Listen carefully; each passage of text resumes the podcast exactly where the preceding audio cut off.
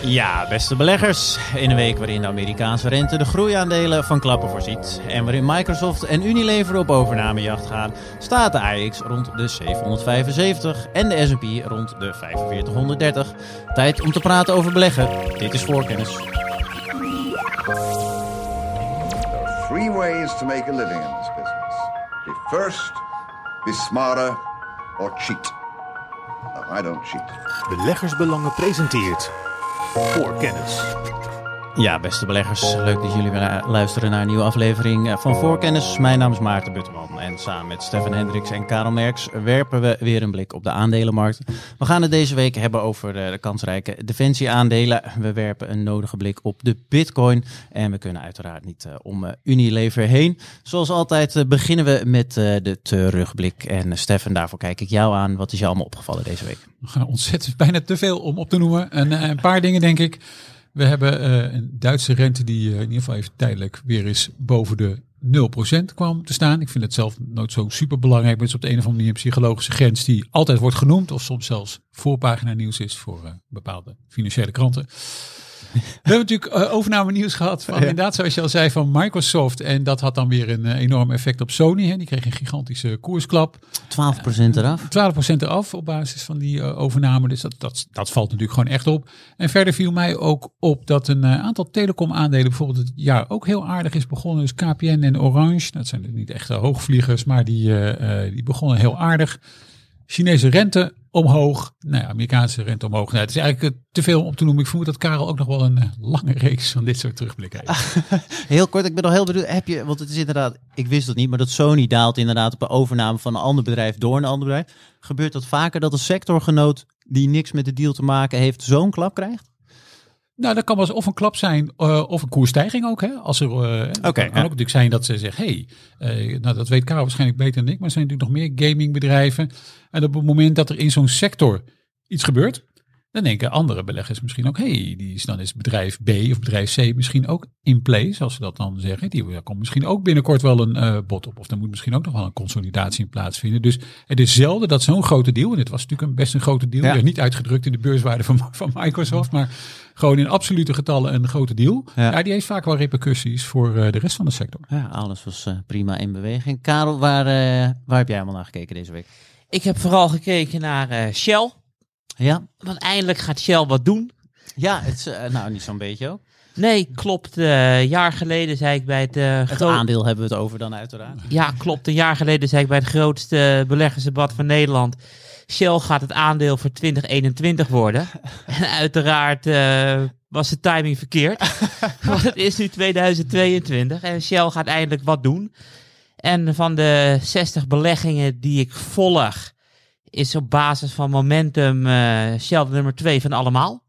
Okay. Dus uh, op dit moment uh, ruim 25% boven de gemiddelde koers van de afgelopen 200 dagen. Ja. Dus het momentum zit er goed in.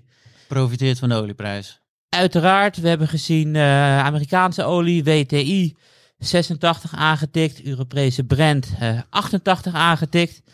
En de hoofdreden is denk ik dat meerdere OPEC-landen uh, hadden afgesproken om de productie te verhogen. En steeds meer OPEC-landen kunnen om verschillende redenen niet aan hun eigen productiequota komen. Dus ze zitten eronder. Oké, okay. uh, dus je ziet het nog wel even verder gaan ook? Ja, zeker. Want ik bedoel, over een paar maanden gaan we met z'n allen reizen op het noordelijk halfrond. Dan gaat de kraan weer open? Nou, ja, dan zou de kraan open de, de moeten. Maar zijn de, het niet uh, natuurlijk. Maar. Nee, de, de vraag neemt, uh, neemt toe. Ja. Dus dat is wel heel erg opvallend. Um, wat het momentum van Shell is. Want Shell heeft natuurlijk ook afgelopen week weer wat in Schotland gedaan met windenergie, wat niks met olie te maken heeft. Ja. Weet je, als je dan kijkt naar uh, aandelen als Chevron, er zit het momentum minder in, maar het doet het wel hartstikke goed. Ook van 115 naar uh, 130 afgelopen maand. Okay. Maar staat wel nog uh, onder Shell in mijn momentum ranking. Oké, okay. nou, prima. Dat is wel een leuke vergelijking. Moeten we nog een keer uh, op terugkomen. We gaan verder naar het blad. Stefan, uh, waar heb jij allemaal naar voorgeschreven? Wat uh, raad je de luisteraars aan te lezen? Nou, um, er gaat ook bijna geen week voorbij zonder dat er iets gebeurt natuurlijk in de uh, nutsector. Hè? Dus de energiecrisis hakte daar nog in. Heeft ja. allerlei effecten. En afgelopen week um, verraste de Franse overheid. Het was geen hele fijne verrassing. Uh, met een aantal nieuwe maatregelen voor het grootste stroombedrijf van Frankrijk, EDF, Électricité de France. En die maatregelen uh, kosten EDF naar verluid dit jaar zo ongeveer 7,7 tot 8,4 miljard aan EBITDA. Dus dat is operationele winst voor afschrijvingen en amortisatie van immateriële activa. Is dat heel netjes? Keurig, keurig. Ja, moeten we dan even bijzetten. uh, het aandeel echt klapte ook helemaal in elkaar. Dus meer dan uh, 20% verloren uh, in een week tijd. Blijft ook onder druk staan. Ja, en um, nou, wat je dan ziet, een aantal analisten was er heel erg positief over.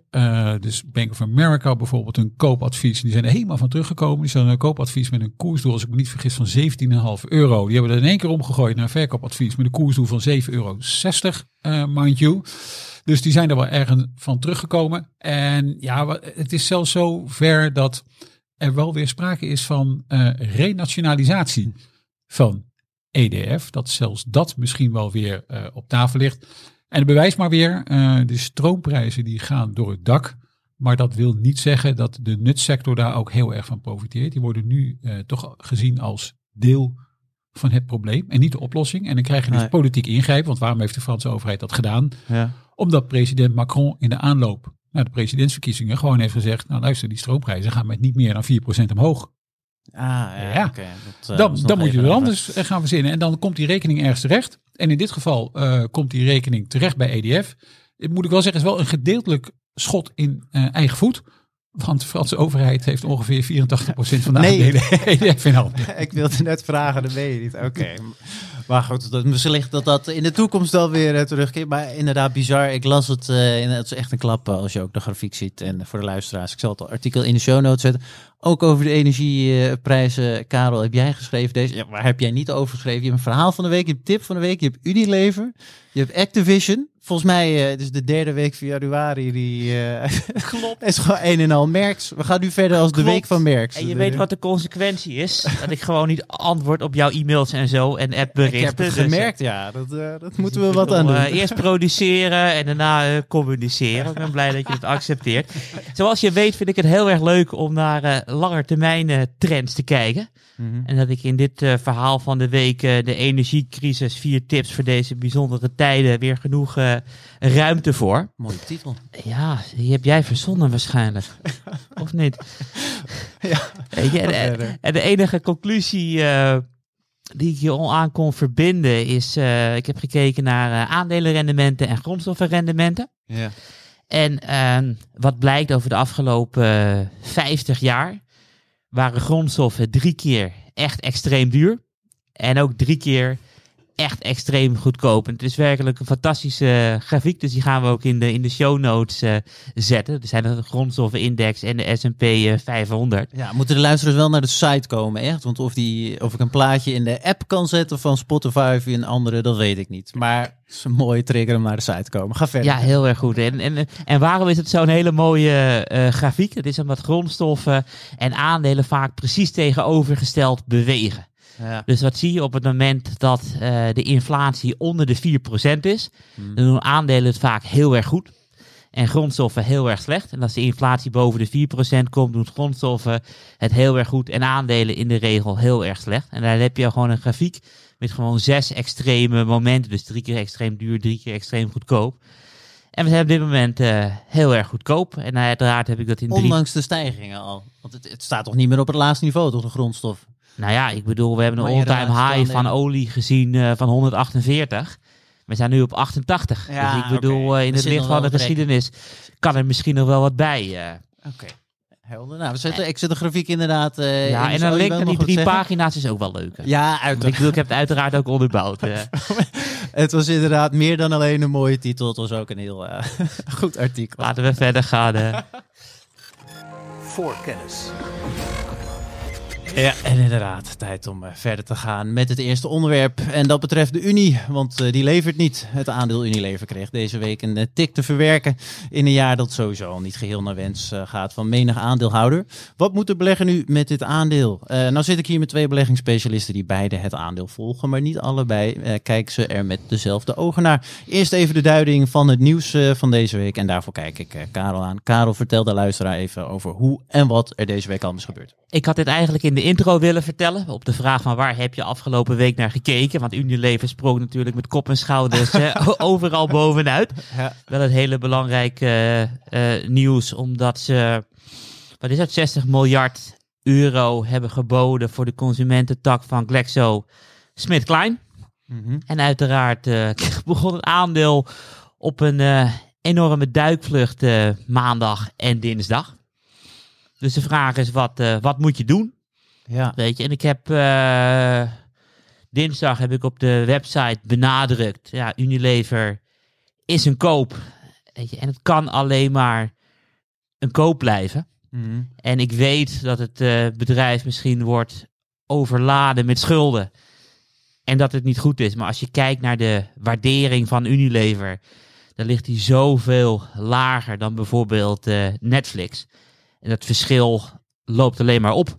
Ja, want even voor mijn, eh, bedoel je Nestlé? Oh, Nestlé. Of- ja, ik, eh, eh, heel goed. Ik zei Netflix Nou, waarschijnlijk. ook lager dan Netflix. Maar Ja, dat, dat, dat nee, de maar- was die je wilde maken. Oh nee, heel erg goed. Ik denk, wat, wat bij Stefan nou op mijn briefje. maar Ja, het, was, het Nee, bleef ook heel stil inderdaad. Nee, in klopt. Maar ik dacht dus ja. aan, aan Netflix. Want ze komen natuurlijk ook vandaag met, eh, met jaarcijfers waar ik ook naar aankijk. Dus ik ben weer drie dingen tegelijkertijd Ja. aan het doen. Maar als je kijkt naar de afgelopen twee jaar, Ja. dan zie je dat Nestlé eh, met 76% is gestegen, inclusief dividend. En Unilever met 5. Waarom de afgelopen twee jaar? Nou ja, omdat in de afgelopen twee jaar waren er altijd problemen bij Unilever. Dat we dachten oké, van, ja. het groeit niet en het schiet niet op. En er waren klachten over het management. Weet je, maar als je kijkt naar de waardering, Hmm. die van Nestlé is zeg van eh, linksonder naar rechtsboven gegaan. Mhm. En die van Unilever van linksboven naar rechtsonder. Dus het is echt een, een waarderingskwestie. En, En in ik- hoeverre kan je dan een aandeel analyseren in verhouding met een waardering van een sectorgenoot?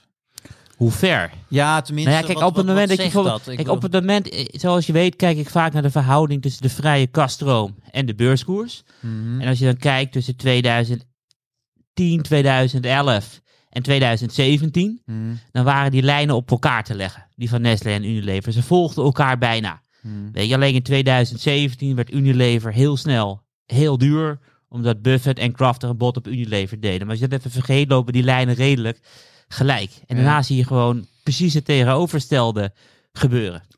Weet je, en dat betekent volgens mij dat eh Nestlé is priced for perfection. Oftewel, er is geen enkel probleem op te lossen. Het ziet er werkelijk eh, fantastisch uit en die waardering is heel erg hoog. Mhm. En zoals op Wall Street zeggen, you need to climb a wall of worry om wat rendement te maken. Er is geen enkele zorgen bij Nestlé. Het is Ah, price for perfection. En die van Ja, Unilever, er zit echt een margin of safety tussen waar je u tegen zegt. En ze hebben heel erg veel problemen om op te lossen. Oké. En de vraag is natuurlijk, gaan ze die problemen oplossen? Nou ja, ze stuurden er gisteren een persbericht uit. En in dat persbericht zeiden ze van, er komt geen vierde bot aan.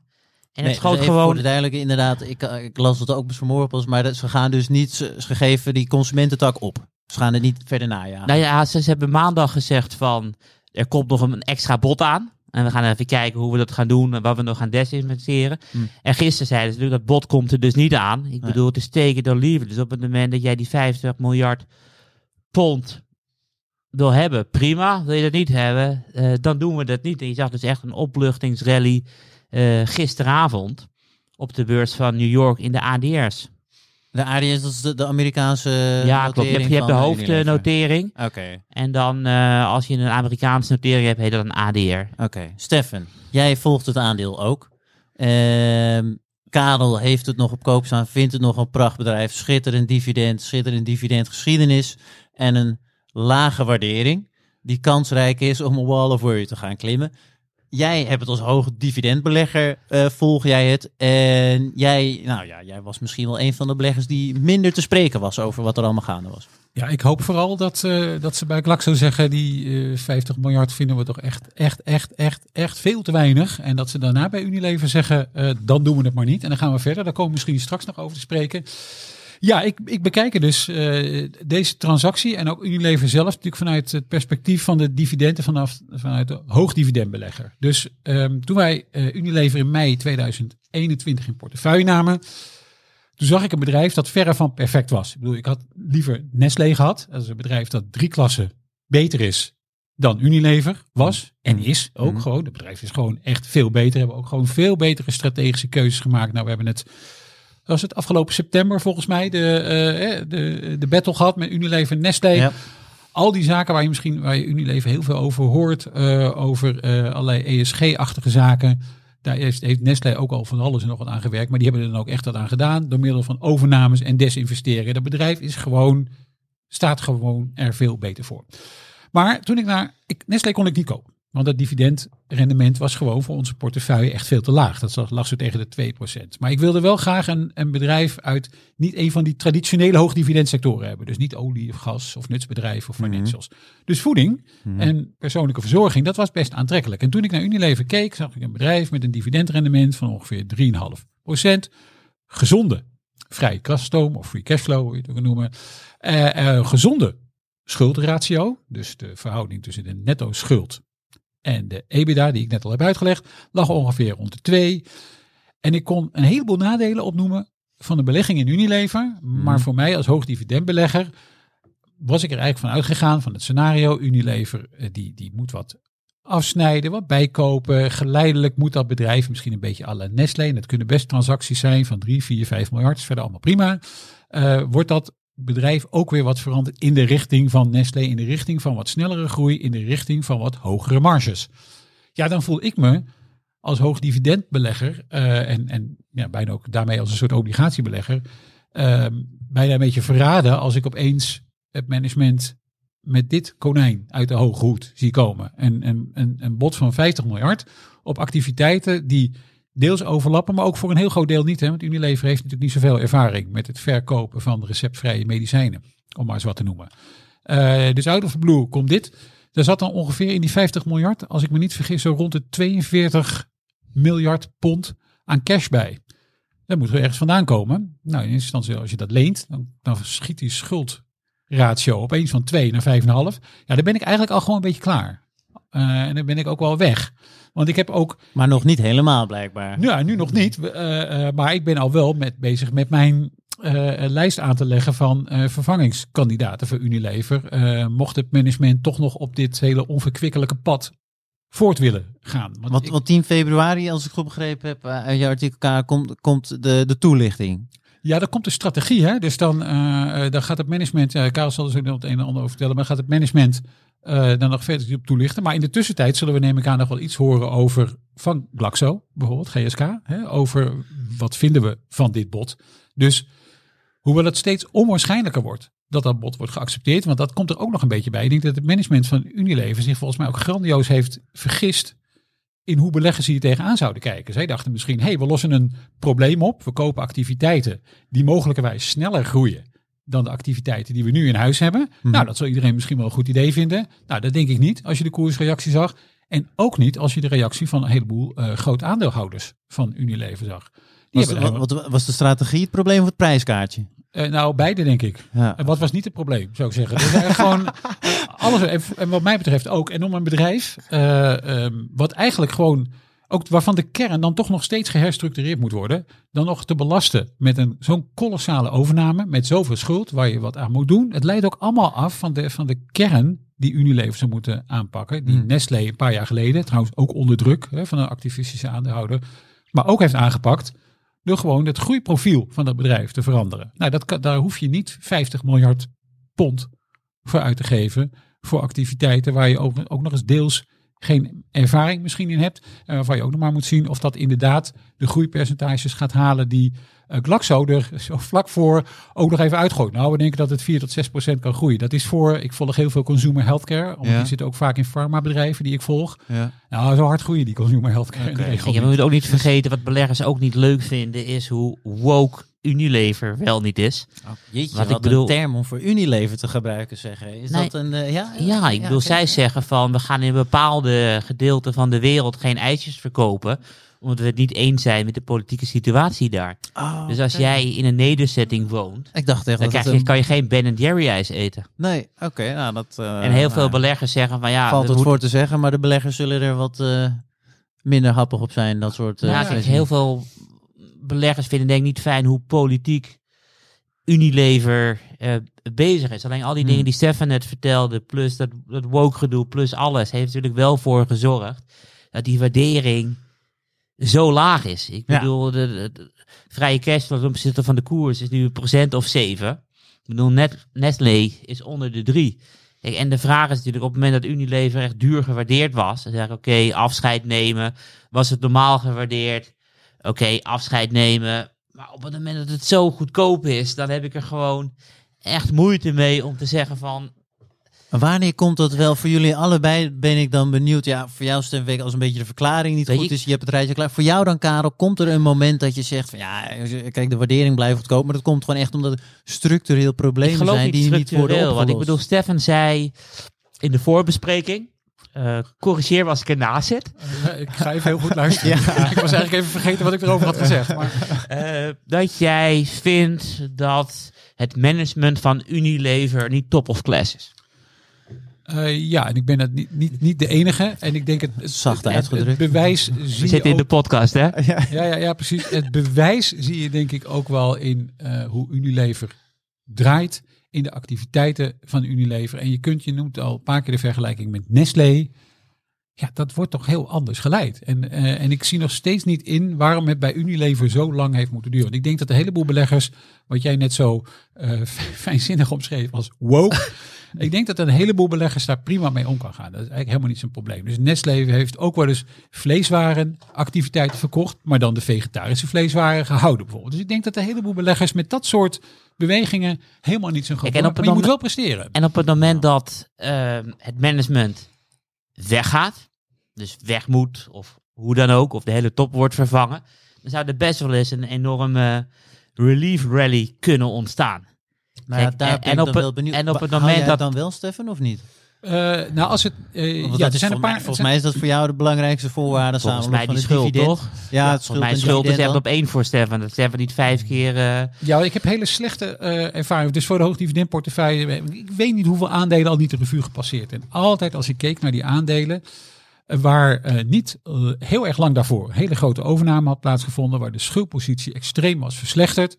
Pakt heel vaak verkeerd uit voor het eh, dividend. We hebben in het verleden al eens gehad over AB InBev bijvoorbeeld. Mhm. Vodafone. Dramatisch. Ja. Eh, echt dramatisch. Grote deals in, die, in die, deze sector zijn ook niet altijd heel erg goed uitgepakt. Dus de best foods van Unilever, een enorme overname, hè, waar, waar, waar nu heel veel van die activiteiten vandaan komen. Nou, dat was ook niet een, een, een onverdeeld eh, succes. Dus waar het mij heel erg om gaat, is dat ik niet wil dat zo'n bedrijf met een ongelofelijke schuld wordt opgezadeld. Want het, het zijn allemaal meer factoren die het management af gaan leiden. Dus de bestaande activiteiten, daar moet al iets mee gebeuren. Ja, Dan haal je nog eens een keer nieuwe activiteiten binnen waar je niet op alles ervaring mee hebt. En je zult ook nog moeten gaan werken aan de afbouw van de schuld. Want nogmaals, voor een bedrijf als Unilever, je kan zeggen, ja, een tijdje lang 4,5, 5 keer netto schuld, EBITDA, is dat zo dramatisch? Nou, dat zullen we nog moeten gaan zien. Maar het is in ieder geval wel iets wat aangepakt moet worden. Ja. En er wordt gezegd, nou dan moet je misschien je voedingsactiviteiten verkopen. Aan, ja, dan denk ik dan aan wie? Dat zal een private equity worden. Wat voor prijs krijg je daarvoor? Dat zijn allemaal zaken die nog eh, het, eh, het management gaan bezighouden. Ja. Eh, en voor wat betreft het management, kijk, er zijn Kort nog. eh, kort dan, er zijn verschillende manieren waarop je dat bedrijf kan bijsturen. Ja. Dat, dat had v- via een soort van eh, eh, snijden en aankopen gekund. Nu is het dus een grote klapper. Maar daarmee, denk ik, heeft het management wel heel veel wantrouwen gekweekt ook bij zijn aandeelhouders. En die denken opeens, oké, dus dit is, Unilever is misschien ook nog wel wat anders van plan. Dus als deze nou niet lukt, als Glaxo zegt nee tegen 50 miljard, wat dan? Wat gaat het management dan doen? Dus op die 10 februari zullen ze dan ook nog wel een prachtig verhaal moeten hebben voor hun Ja. aandeelhouders.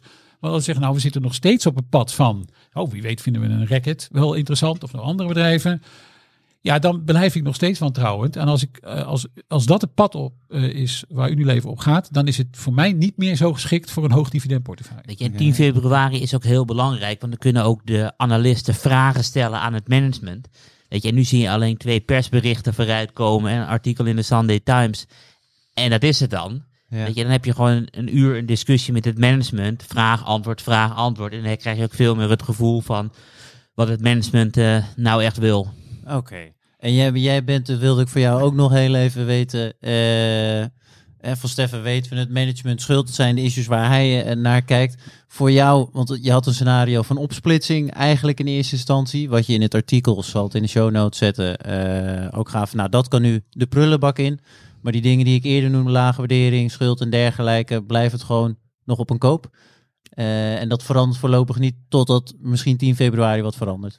Nou ja, eh, kijk, op het moment dat die schuld zo hoog wordt, dus vijf keer eh, net, netto winstschuld, dat, dat wil ik niet.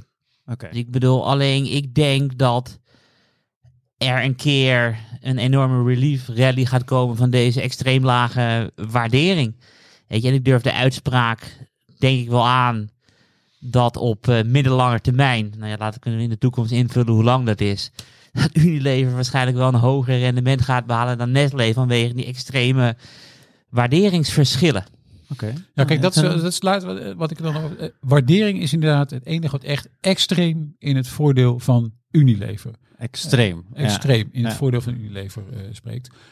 Maar er is een reden voor. En op een gegeven moment moet je die redenen wel gaan oplossen. Wil die waardering eh, ook weer wat kunnen oplopen. En een overname van 50 miljard van activiteiten, nogmaals, waar je misschien niet overal even goed in thuis bent, is dus gebleken, is niet de oplossing. Want daarmee ram je die waardering eigenlijk alleen nog maar verder omlaag. Dus, het, dus Unilever heeft nog wel wat eh, te doen. En ik, ja, nogmaals, ik ben het helemaal met Karel eens op basis. Ik zou het ook niet meteen willen verkopen. Als ik verkoop straks uit de portefeuille, is dat om een hele duidelijke reden. Als Ja. ik denk dat de schuldpositie dividend in gevaar brengt, Ja. dan bij alle aandelen, dan gaan ze er per direct uit. Zodra ik dat idee heb, zodra ik dat door kan rekenen, is klaar.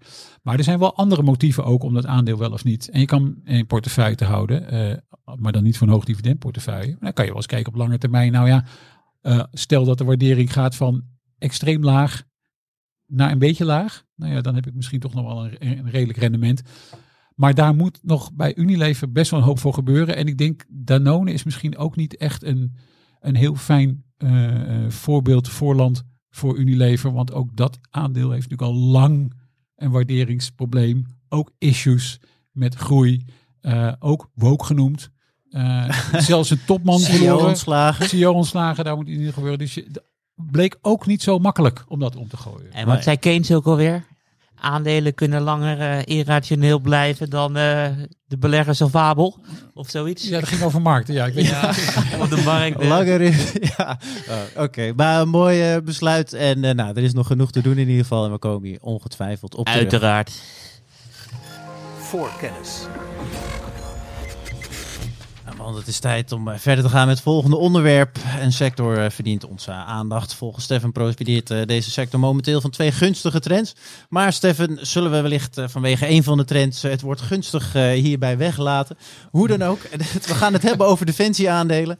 En eerder in de podcast hadden we het al over de ethiek van dit soort beleggingen. Nu gaan we echt naar beleggingen zelf kijken. De sector draait goed en een aantal aandelen verdienen de aandacht. Stefan. Ja, dat is inderdaad. eh, ja, ik, ik moest eerst even nadenken, Maarten, waar je ook alweer op doelde. Maar ik zie, ik, eh, I get your point. Ja. Dus eh, nee, helemaal goed. Ehm, nee, ik denk dat even heel kort zeggen, wat, wat is er op de beurs aan de hand? Dus we hebben het al gehad over de rente die stijgt. En dat heeft zorgt weer voor een, rotatie, hè, waar we het ook vorig jaar al een paar keer over hebben gehad. Dat beleggers misschien wat minder geïnteresseerd zijn bij een stijgende rente in groeiaandelen. En wat meer in zogenaamde waardeaandelen, aandelen met een lage waardering. Nou, die waardeaandelen, als, je als je daar sectoren bij zoekt, dan hoor je meestal, oh, dit is energie, hè, dus olie en gas. Je hoort heel vaak financials zitten erbij, misschien soms wel telecom. Eh degene die je niet zo vaak hoort, is de defensiesector. En ook die is laag gewaardeerd. Ehm, dus die sector profiteert op dit moment inderdaad van twee trends. Hè. Dus de ene trend is die draai wat meer naar die waardeaandelen. Dus Mhm. eh, dit jaar staan ook al een, eh, een Rijnmetaal op 8,8% eh, in de plus. BAE Systems ook meer dan 8%. Dus die aandelen gaan tegen de markt in, doen die het eigenlijk best wel goed nu. En dat is niet zo verwonderlijk op het moment dat waardeaandelen wat meer in trek zijn. De tweede trend, en dat is waar jij op doelde met het woord, laten we daar vooral niet gunstig bij gebruiken. En dat is inderdaad een terecht punt. Dat is dat er natuurlijk meer ehm, geopolitieke onzekerheid is, zoals dat er altijd zo vreselijk wordt genoemd. Maar waar het gewoon op neerkomt, is dat er natuurlijk her en der oorlogsdreiging is. En Ja. dan hebben we het natuurlijk over de Oekraïne. Hè, dat is natuurlijk heel erg in het nieuws. En al, wat natuurlijk al veel langer speelt, is, ehm, nou ja, de- we laten het maar de kwestie Taiwan noemen. Dat zijn denk ik wel twee ehm, nou ja, regio's waar heel veel aandacht voor is. Dat is dus ook iets wat gunstig is voor die sector. Mhm. Want wat je ziet is dat de orderboeken, onder meer van Rijnmetaal en van BAE Systems, ja, die lopen gewoon hard op. Daardoor. Bedrijven, hè, die bedrijven profiteren gewoon van overheden die meer geld uit gaan geven aan defensie. En dat is allerlei verschillende vormen van defensieuitgaven. Het is een beetje eh, eh, ter land, ter zee en in de lucht, zullen we maar zeggen. Eh, dus eh, Rijn, Rijnmetaal is vooral ter land. Dus die doet heel veel aan munitie en aan gevechtsvoertuigen. Ja. Ehm eh, BAE Systems is dan wat meer op zee en in de lucht. Ehm, dus heel veel oorlogsschepen en gevechtsvliegtuigen en alle elektronica die daarbij hoort. Ja. Dat zijn bedrijven met een ontzettend goede eh, balans. Dus heel weinig schuld. Dus die, die, we hadden het net over die verhoudingen. Netto schuld Ja. EBITDA. Nou, die ligt bij Rijnmetaal ongeveer 0,3 en bij BAE Systems op 1. Eh, waardering is laag, dus Rijnmetaal noteert tegen een KW van 10 en een dividendrendement van 2,4 procent. En bij BAE Systems is dat 12 en, en meer dan 4 procent aan dividendrendement. Mhm. Dividend is ook nog eens een keertje hartstikke veilig, omdat die, die, die financiële positie is goed. Winstgevendheid de komende tijd is goed. Ja. Dus er staat niks eigenlijk stijgende uitkeringen nog in de weg. En die aandelen zijn dus ook nog steeds nu alleszins redelijk gewaardeerd. Ze zijn wel opgelopen, maar die zijn nog niet Wat is een normale waardering en wat staan ze nu voor dit soort eh, bedrijven? Nou, dus als een, een, eh, die Rijnmetaal staan nu 10. Nou ja, het is helemaal niet zo gek als die op ergens 12, 13 KW. eh, KW ja. terechtkomen. En het dividendrendement zal ook kunnen stijgen. BAE System staat op 12. Dus niet zo heel erg verkeerd. Kan nog op zich wel eh, ietsje stijgen. Maar ik denk dat het vooral heel erg in lijn gaat stijgen eh, met de, eh, de winststijging. Dus ik vermoed dat daar niet zo superveel te winnen valt. Maar die winst gaat de komende jaren denk ik wel met gemiddeld 6, 7 procent per jaar stijgen. Mhm. Dividend kan mee. Cashflow genererend vermogen van allebei is echt uitstekend. Dus het is een, wat mij betreft een sector in dit klimaat, hè, Ja. een, een waardesector in dit klimaat, eh, waar je als belegger misschien ook wel eens naar zou kunnen kijken, omdat het ook een sector is die nogmaals niet alleen over dit hele waardedebat en die stijgende rente, Ja. maar ook nog een keertje dat thema van politieke onrust en oorlogsdreiging, die in principe niet slecht is voor dit soort aandelen. Ik Hoe ben er twee dingen. in, in eh, nou ja, Karel, ga maar. Ja, ik ben er twee dingen nieuwsgierig, Stefan. Ehm, maken de grondstofprijzen nog uit? Want ik bedoel, in een tank gaat denk ik metaal of andere grondstoffen.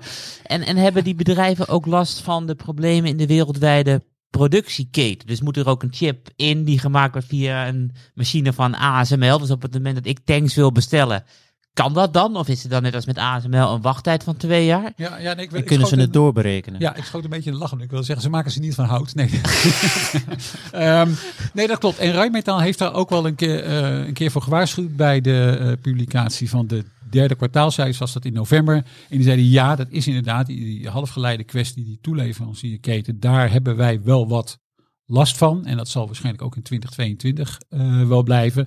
Maar de, de, de pricing power van die bedrijven is wel vrij goed. En soms zitten er al, BIE Systems heeft dus al contracten waarin zeg maar, prijsstijgingen ook worden meegenomen op het moment dat grondstoffen omhoog gaan. Omdat het vaak ook heel langlopende contracten zijn. Dus eh, BAE Systems werkt ook aan de... Want wie, wie zijn de klanten? Zijn het de overheden puur? Ja, ze dat hangen heel ook, erg Ook commerciële partijen? Wat, Ja. eh, Nee, zij hangen Voor heel erg- tanks? Nou ja, je hebt heel veel. In Amerika zijn er al heel veel bedrijven die eh, privaat eh, bepaalde diensten aanbieden. Die kunnen ook dat soort dingen afnemen. Ja, maar het zullen veel overheden Maar die zijn. gaan hopelijk niet rondvliegen met een Strike Nee, nee, nee, nee, zo, nee. Dat, dat niet. Maar cyber en security, eh, dat soort dingen. Ja, dat is wel. Maar kijk, die hele grote opdrachten waar we het over hebben. Ik weet niet of we hierbij horen te lachen, maar ja. Nee, ik probeer het ook gewoon weer even terug te brengen, Maarten, naar de, naar de kern. Nee, dus de, de overheden en overheidsbudgetten, ja. Die zijn ook echt bepalend voor de, voor de omzetgroei voor deze sector. Dus ehm, wat je eh, nu ziet in Duitsland, ook is de afgelopen tijd ook de uitgaven omhoog gaan. Ook in het kader van de NATO natuurlijk, hè, waarin, of NAVO moet ik zeggen, waarin natuurlijk eh, bepaalde afspraken gemaakt worden. Ja. Hoeveel geven wij uit aan defensie? Ja. Ik denk wat er nu gebeurt in Europa ook wel weer een wake-up call is voor West-Europa. Mm. Ehm, dat, dat alles wat we misschien een tijd lang gewoon ah, ja, eh, zomaar hebben aangenomen, vrede, er is wel vrede in Europa. Nou ja, dat we daar misschien nu toch ook wel weer van denken, nou ja, er moet toch wel aan de oostkant mogelijkerwijs eh, wel wat meer striking power komen. Want uiteindelijk is Europa nu vrij, vrij machteloos. Ja. Dus, die, eh, dus het gaat heel erg om die budgetten. eh, eh, en ook dan, natuurlijk, eh, voor Rijnmetaal geldt heel erg dat die, die zijn wat meer op Europa gericht. Dus de Duitse overheid, maar die winnen ook veel contracten bijvoorbeeld al in eh, Oost-Europa nu, eh, Hongarije onder meer. BAE Systems is vooral gericht op de Verenigde Staten. Dus daar is het defensiebudget heel erg belangrijk.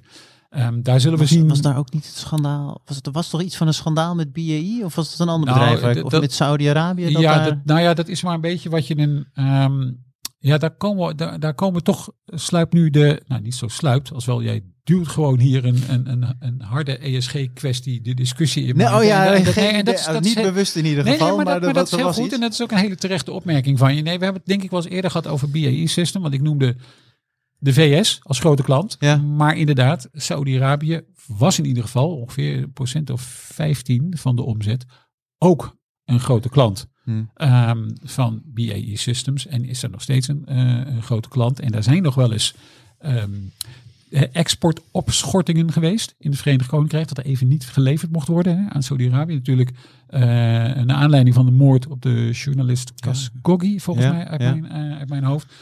De positie van Saudi-Arabië is natuurlijk wel een hele lastige. Want natuurlijk door Amerikanen ook altijd wel gezien als een bondgenoot hè, in, in de regio. Dus daar ook militair materiaal aangeleverd. En aangezien eh BAE Systems ook heel veel zaken doet met Amerikaanse eh, bedrijven, de Amerikaanse overheid, deed BAE Systems dus ook eh, zaken met de Saoedische overheid. Daar is natuurlijk een tijd lang heel erg veel kritiek op gekomen. En dat is ook inderdaad, zoals we dat altijd hebben en zoals we dat wel eens eerder besproken hebben, wapens op zichzelf zijn natuurlijk al een lastige kwestie. Ja. Wapens leveren aan bepaalde regimes is dan soms helemaal een lastige eh, kwestie. Wat ik in ieder geval op ESG-gebied kan zeggen, is dat zowel BAE Systems als Rijnmetaal heel erg duidelijk meldt dat ze niet doen aan clusterbommen of clustermunitie en Nee. dergelijke. En daardoor ook nog eh, verhandelbaar, eh, neem ik aan, voor de, de Nederlandse beleggers. Zeker bij de broker waar ik zit, eh, ik zal voor die broker nog geen reclame maken, denk ik, maar daar zijn zijn ze Moeten we weer een factuur sturen, Ja, daar moeten we eerst een deal voor maken, inderdaad. Ja, maar oké, ze zijn gewoon verhandelbaar. Maar goed, eh, twee interessante aandelen hier in ieder geval in een eh, sector die eh, op dit moment eh, nog kan profiteren van ook eh, zowel de draai van de groeiende waarde als eh, geopolitieke onzekerheid. We komen er ongetwijfeld eh, ook nog een keer op terug. Voorkennis. Want het is alweer tijd om verder te gaan met het laatste onderwerp eh, voor vandaag. Dat is de bitcoin. Het is alweer even geleden dat wij het over de munt hebben gehad. En dat terwijl de koers van de cryptovaluta toch eh, zelden stil zit. Volgens Karel zijn we aangekomen op een punt van belang. Volgens de technische analisten onder ons. Eh, maar dat is niet het enige dat er gaande is. Karel, waarom moeten beleggers hier naar kijken? Vertel. Ik moet je corrigeren, Maarten. Nou, dat is fijn. Ja, ga ervoor. Ik bedoel, jij zegt eh, zelden stil zit, nooit stil zit. Nooit stil Echt. Ah, nooit. Ik heb het nog nooit eh, Valt stil mee. gezien. Ik had een ergere correctie verwacht. Maar inderdaad, je hebt gelijk. Die doe ik dan na de stil. uitzending wel. eh. Nee, mij begint het echt op te vallen eh, hoe groot de correlatie is tegenwoordig tussen de ARK Innovation ETF en Bitcoin. Mhm. Ik bedoel, die grafieken vallen bijna op elkaar. En ik denk dat er twee redenen zijn waarom dat totaal niet vreemd is. Vertel. Ja, de eerste komt omdat steeds meer bedrijven in de S&P 500 Bitcoin op de balans zetten. Je hebt institutionele beleggers die kopen Bitcoin. Steeds meer beleggers hebben Bitcoin. En ik ken ook een heleboel mensen uit mijn netwerk die nog nooit in hun leven een aandeel hebben gekocht, maar wel Bitcoin hebben. Dus het is inderdaad eh, wijd verspreid. Mhm. En dat betekent dus in tijden van eh, angst, nou ja, dan verkoop je de ARK Innovation ETF en dan verkoop je de Bitcoin. En in tijden van hebzucht, dan koop je er beide. Want de innovatie ETF die staat ook voor een, eh, een risicovolle belegging. Ja, ik Ah, bedoel, dat zijn nogal. de, Nogal. het zijn de meest innovatieve eh, bedrijven die het hardste groeien. En daardoor het meest afhankelijk zijn van wat er in de toekomst gaat gebeuren. ja. Weet je, dat zorgt er mede voor dat eh, toekomstige waardes heel erg belangrijk zijn. Dus op het moment dat de rente daalt, dan nemen de toekomstige waardes toe. En als de rente naar beneden gaat, dan nemen de toekomstige waardes toe. Dus ja, je hebt weer dat hele renteneffect wat echt meespeelt. Ja, en jij zit hier nu twee die één op één lijn. Dus Ja. de bitcoin als innovatie. bedoel- Oké, ja? Precies, Ja, ik want ik wil denk Bitcoin is natuurlijk ook een innovatie iets, toch Steven? Ja, nee, zeker. En ik denk dat dat is wat, wat Karel zei, eh, dat klopt helemaal over die ARK ETF. En er zitten dus ook heel veel bedrijven in die ook nog geen winst maken. Die dus ook Risicovol bij extreem risicovol en lastig te waarderen. Eh, eh, misschien eenzelfde Bitcoin, issue ja. als bij eh, Bitcoin. Ja. Dus er is meer hoop van, oh het gaat wat worden. Ja, en er is meer angst als het niet gaat worden. Ja. En hoe meer, kijk, ik bedoel, een bedrijf als Nestlé, er zal geen hoop of angst in komen. is wel redelijk stabiel. Ja, helder. Weet je, en met Bitcoin en met dan kan je echt de grootste dromen hebben. Die nachtmerries blijken te zijn. God, wat een, eh, wat een eh, nou, schitterende conclusie inderdaad. Maar jij ziet de correlatie eh, tussen die twee, die bewegen nu hand in hand. Ja, klopt. Dus ik ben Ga een verder. beetje jouw favoriete bezigheid gaan doen. Technische analyse. Ik weet hoe je ervan houdt, Maarten. Ja, verschrikkelijk. Nou ja, ieder zijn ding. Het is een mooie... nou, kunnen we zo nog heel even op terug. Het is niet mijn ding, maar er valt Nee, misschien wel wat klopt. uit te Ik bedoel, kijk, ik mezelf ben ik ook fundamenteel. Maar ik vind het altijd wel fijn om in de grafiek te zien wat andere beleggers aan het doen zijn. Ja. Weet je, en er zijn een paar patronen die wel, wel werken. Of althans, 80% komen ze uit. Nou ja, een hele belangrijke is eh, de kop-schouderpatroon. Nou, we hebben er net eentje gehad in de bitcoin die gebroken is. En eh, de twee schouders lagen op 50.000 dollar eh, augustus en december. En het hoofd was bijna 70.000 in november. Toen zijn we gaan dalen en we zijn nu bij een belangrijke steunlijn gekomen die al eh, 18 maanden geldt voor de bitcoin rond 40.000. Dus ik kijk een hoop eh, beleggers naar. Oké, ja, ik snap mijn kop schouder. Ik krijg, waarom ik er zelf, eh, het, zelf in ieder geval pijn van in mijn kop en in mijn schouders eh, als we het op die manier over technische analyse hebben. Maar kunnen in ieder geval wel wat betreft de Bitcoin en ook die ARK Innovation ETF ook daar heel even kijken, want het is, het zijn allebei risicovolle aan op dit moment. Eh, nou ja, het is niet meer zo groen als dat het een half jaar geleden is, dus het sentiment is eh, toch echt wel gekeerd van, van ja, van klopt. Risico En heel veel beleggers veiliger. zijn van een koude kermis thuisgekomen. Hmm. Want wat Stefan aangaf in de eh, voorbespreking, ga je weer quoten, Stefan. Eh, ik ben- wel even voorzichtig met welk deel graag. Dat zal ik doen. Want Ik bedoel, jij zegt natuurlijk dat, jij zei, als ik je goed eh, quote, dat eh, een jaar geleden zeiden beleggers van ja, mocht er inflatie komen in de Verenigde Staten, dan zou echt bitcoin eh, de belegging zijn. Want heel veel mensen denken van ja, het financiële bestel is zo zo. En in tijden van inflatie zou de bitcoin echt naar de maan moeten gaan. Ja, precies. Het werd bijna als een soort eh, vervanging van goud gezien. Dus goud was als je zeg maar al eh, fossiel was en niet helemaal meer groebij en eh, eh, 100 jaar plus. Maar als je, echt, als je echt een beetje modern eh, dacht, dan zei je nee, goud is misschien zijn die rol kwijt. Maar voor bitcoin is dan eigenlijk is ook een, een, een nieuwe functie bijna voor bitcoin. Bijna. Ook. Nou, en- Maar niets bleek Kijk, minder waar, afgelopen jaar hebben we gezien inflatie naar 7%. En de bitcoin corrigeert gewoon met de Nasdaq, waar inflatie ook niet fijn voor is. Oh ja. Dus ik denk van ja, we moeten eigenlijk kijken wat er in de in Nasdaq aan de gang is. Want het is leuk dat er op dit moment eh 1, 2 biljoen eh, geld in de cryptomarkt zit. Mhm. Volgens mij eh, 2 biljoen op dit moment. Ehm, maar in de Nasdaq is alleen Microsoft al 2 biljoen. Dus ja, je is echt veel, veel groter. Dus ik denk wel dat de Nasdaq eh, leidend is. En als je dan kijkt naar de afgelopen maanden, dan zie je toch dat die technicals van de Nasdaq aan het verzwakken zijn. Van wat ik vorige week zei, er zijn al eh, meer dan 40% van alle Nasdaq aandelen zijn eh 50% kwijtgeraakt vanaf de haaien van 2021. Ja. Weet je, en 71% noteert ook alweer onder de gemiddelde koers van de afgelopen 200 dagen. Dus je ziet die Nasdaq aan het verzwakken. neemt af. Moeten we niet eens, een keer- is het niet al een half jaar geleden dat we het over de momentum ETF hebben? Nee, ik heb momentum heb ik heel recent behandeld. Kan ook met taken zijn Oh, dat geweest. was. Oh, dat is jammer. Ik dacht, nou, misschien hebben we daar een mooi haak in. Waar ik wel benieuwd naar ben voor wat de bitcoin nu op dit moment. Want eh, wat, wat, wat is nu de aard van de belegging? Is het, is het nog altijd zeer, zeer speculatief? Of wordt het al wat meer mainstream? Moet het een plekje krijgen in een portefeuille? Wat, wat, is, nu, wat is nu, Stefan, ik kijk jou heel even aan. Eh, wat moeten beleggers hier nu mee? Wij hebben het zelf even voor duidelijke een Bitcoin ETN-belegging. Wat is het op van Eck? Hebben we op verkopen staan eh, ja, al klopt, tijd? klopt. We hebben eh, op 15.000 is het naar kopen gegaan.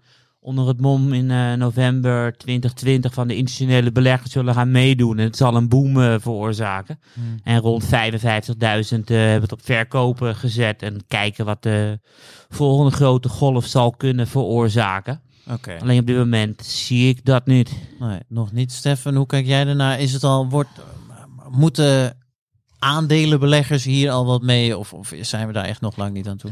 Nee, ik denk dat het voor aandelenbeleggers niet zo ontzettend relevant is. Behalve dat je het zou kunnen zien, waar we het net over hebben gehad, als een soort risicobarometer misschien. Voor, eh, voor het wat meer speculatieve deel Mhm. ehm, van de aandelenmarkt.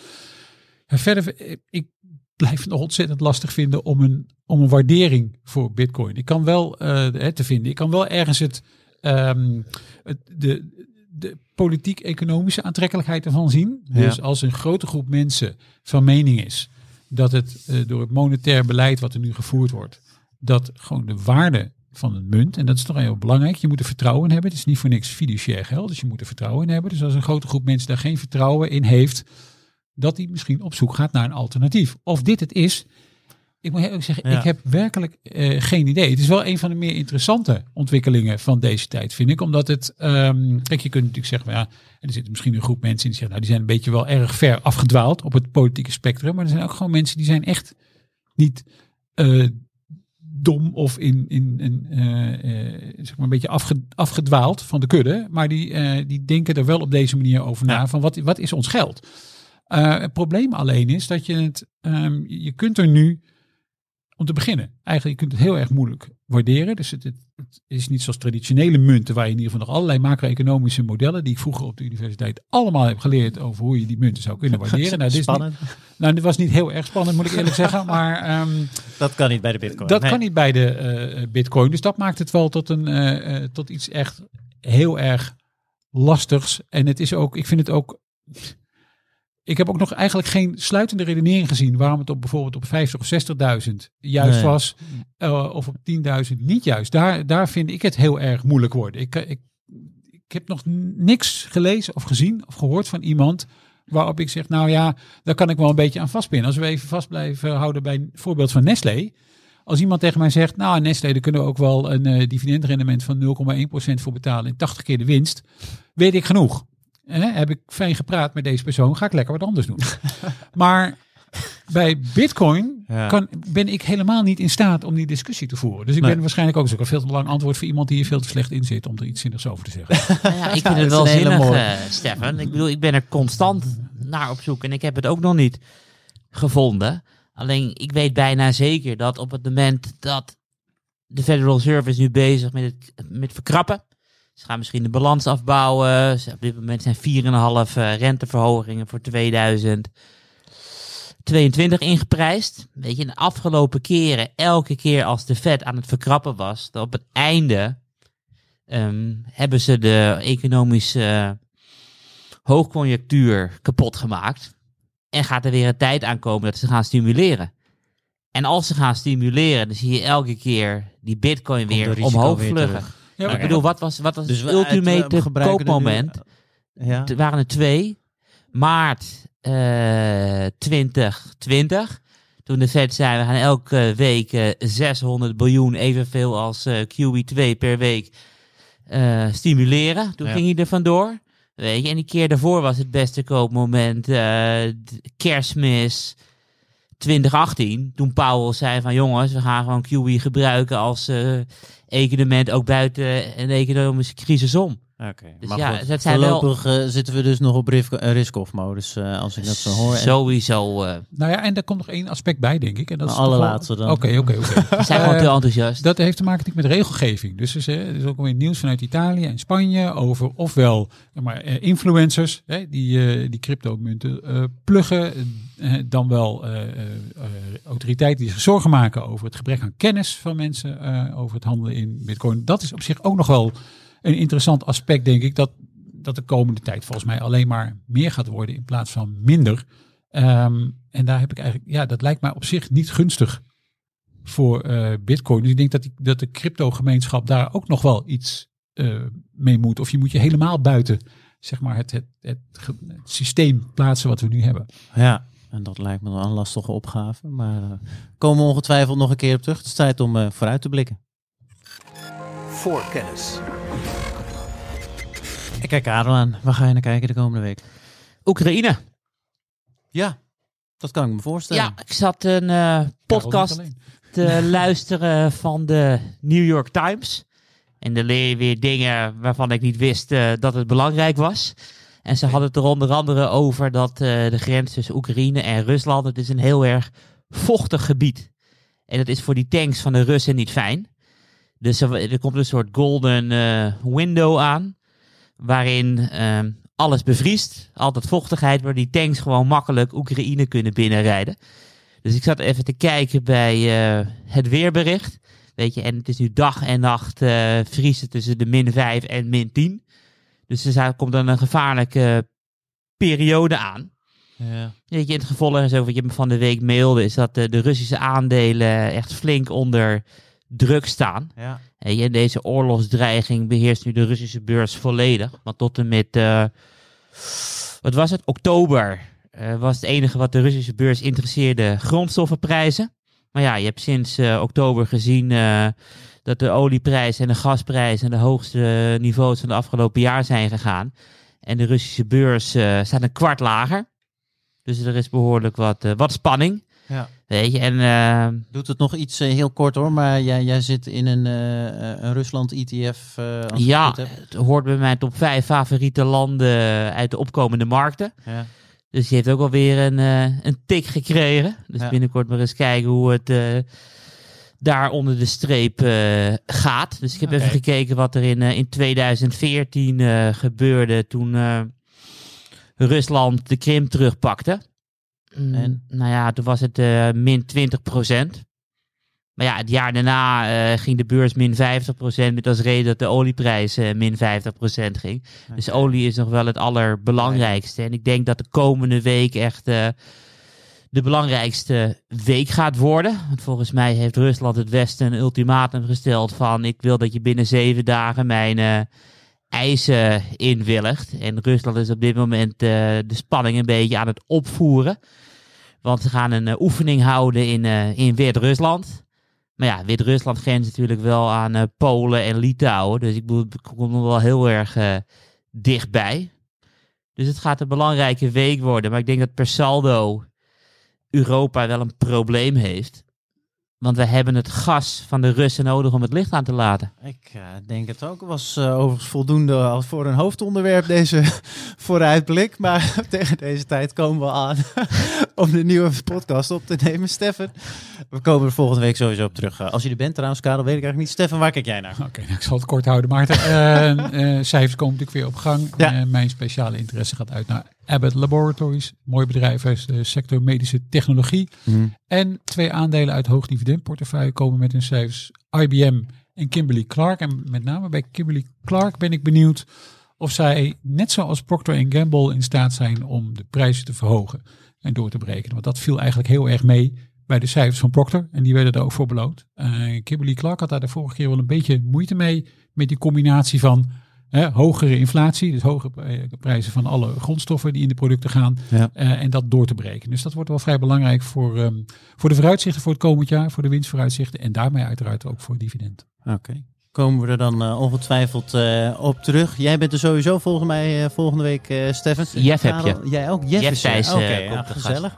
Leuk. Nou, dan dank ik jou in ieder geval, Karel, ook voor deze week. En komen over twee weken terug op Rusland. Stefan, jij uiteraard ook weer bedankt. En tegen de luisteraar zeggen we zoals altijd tot volgende week.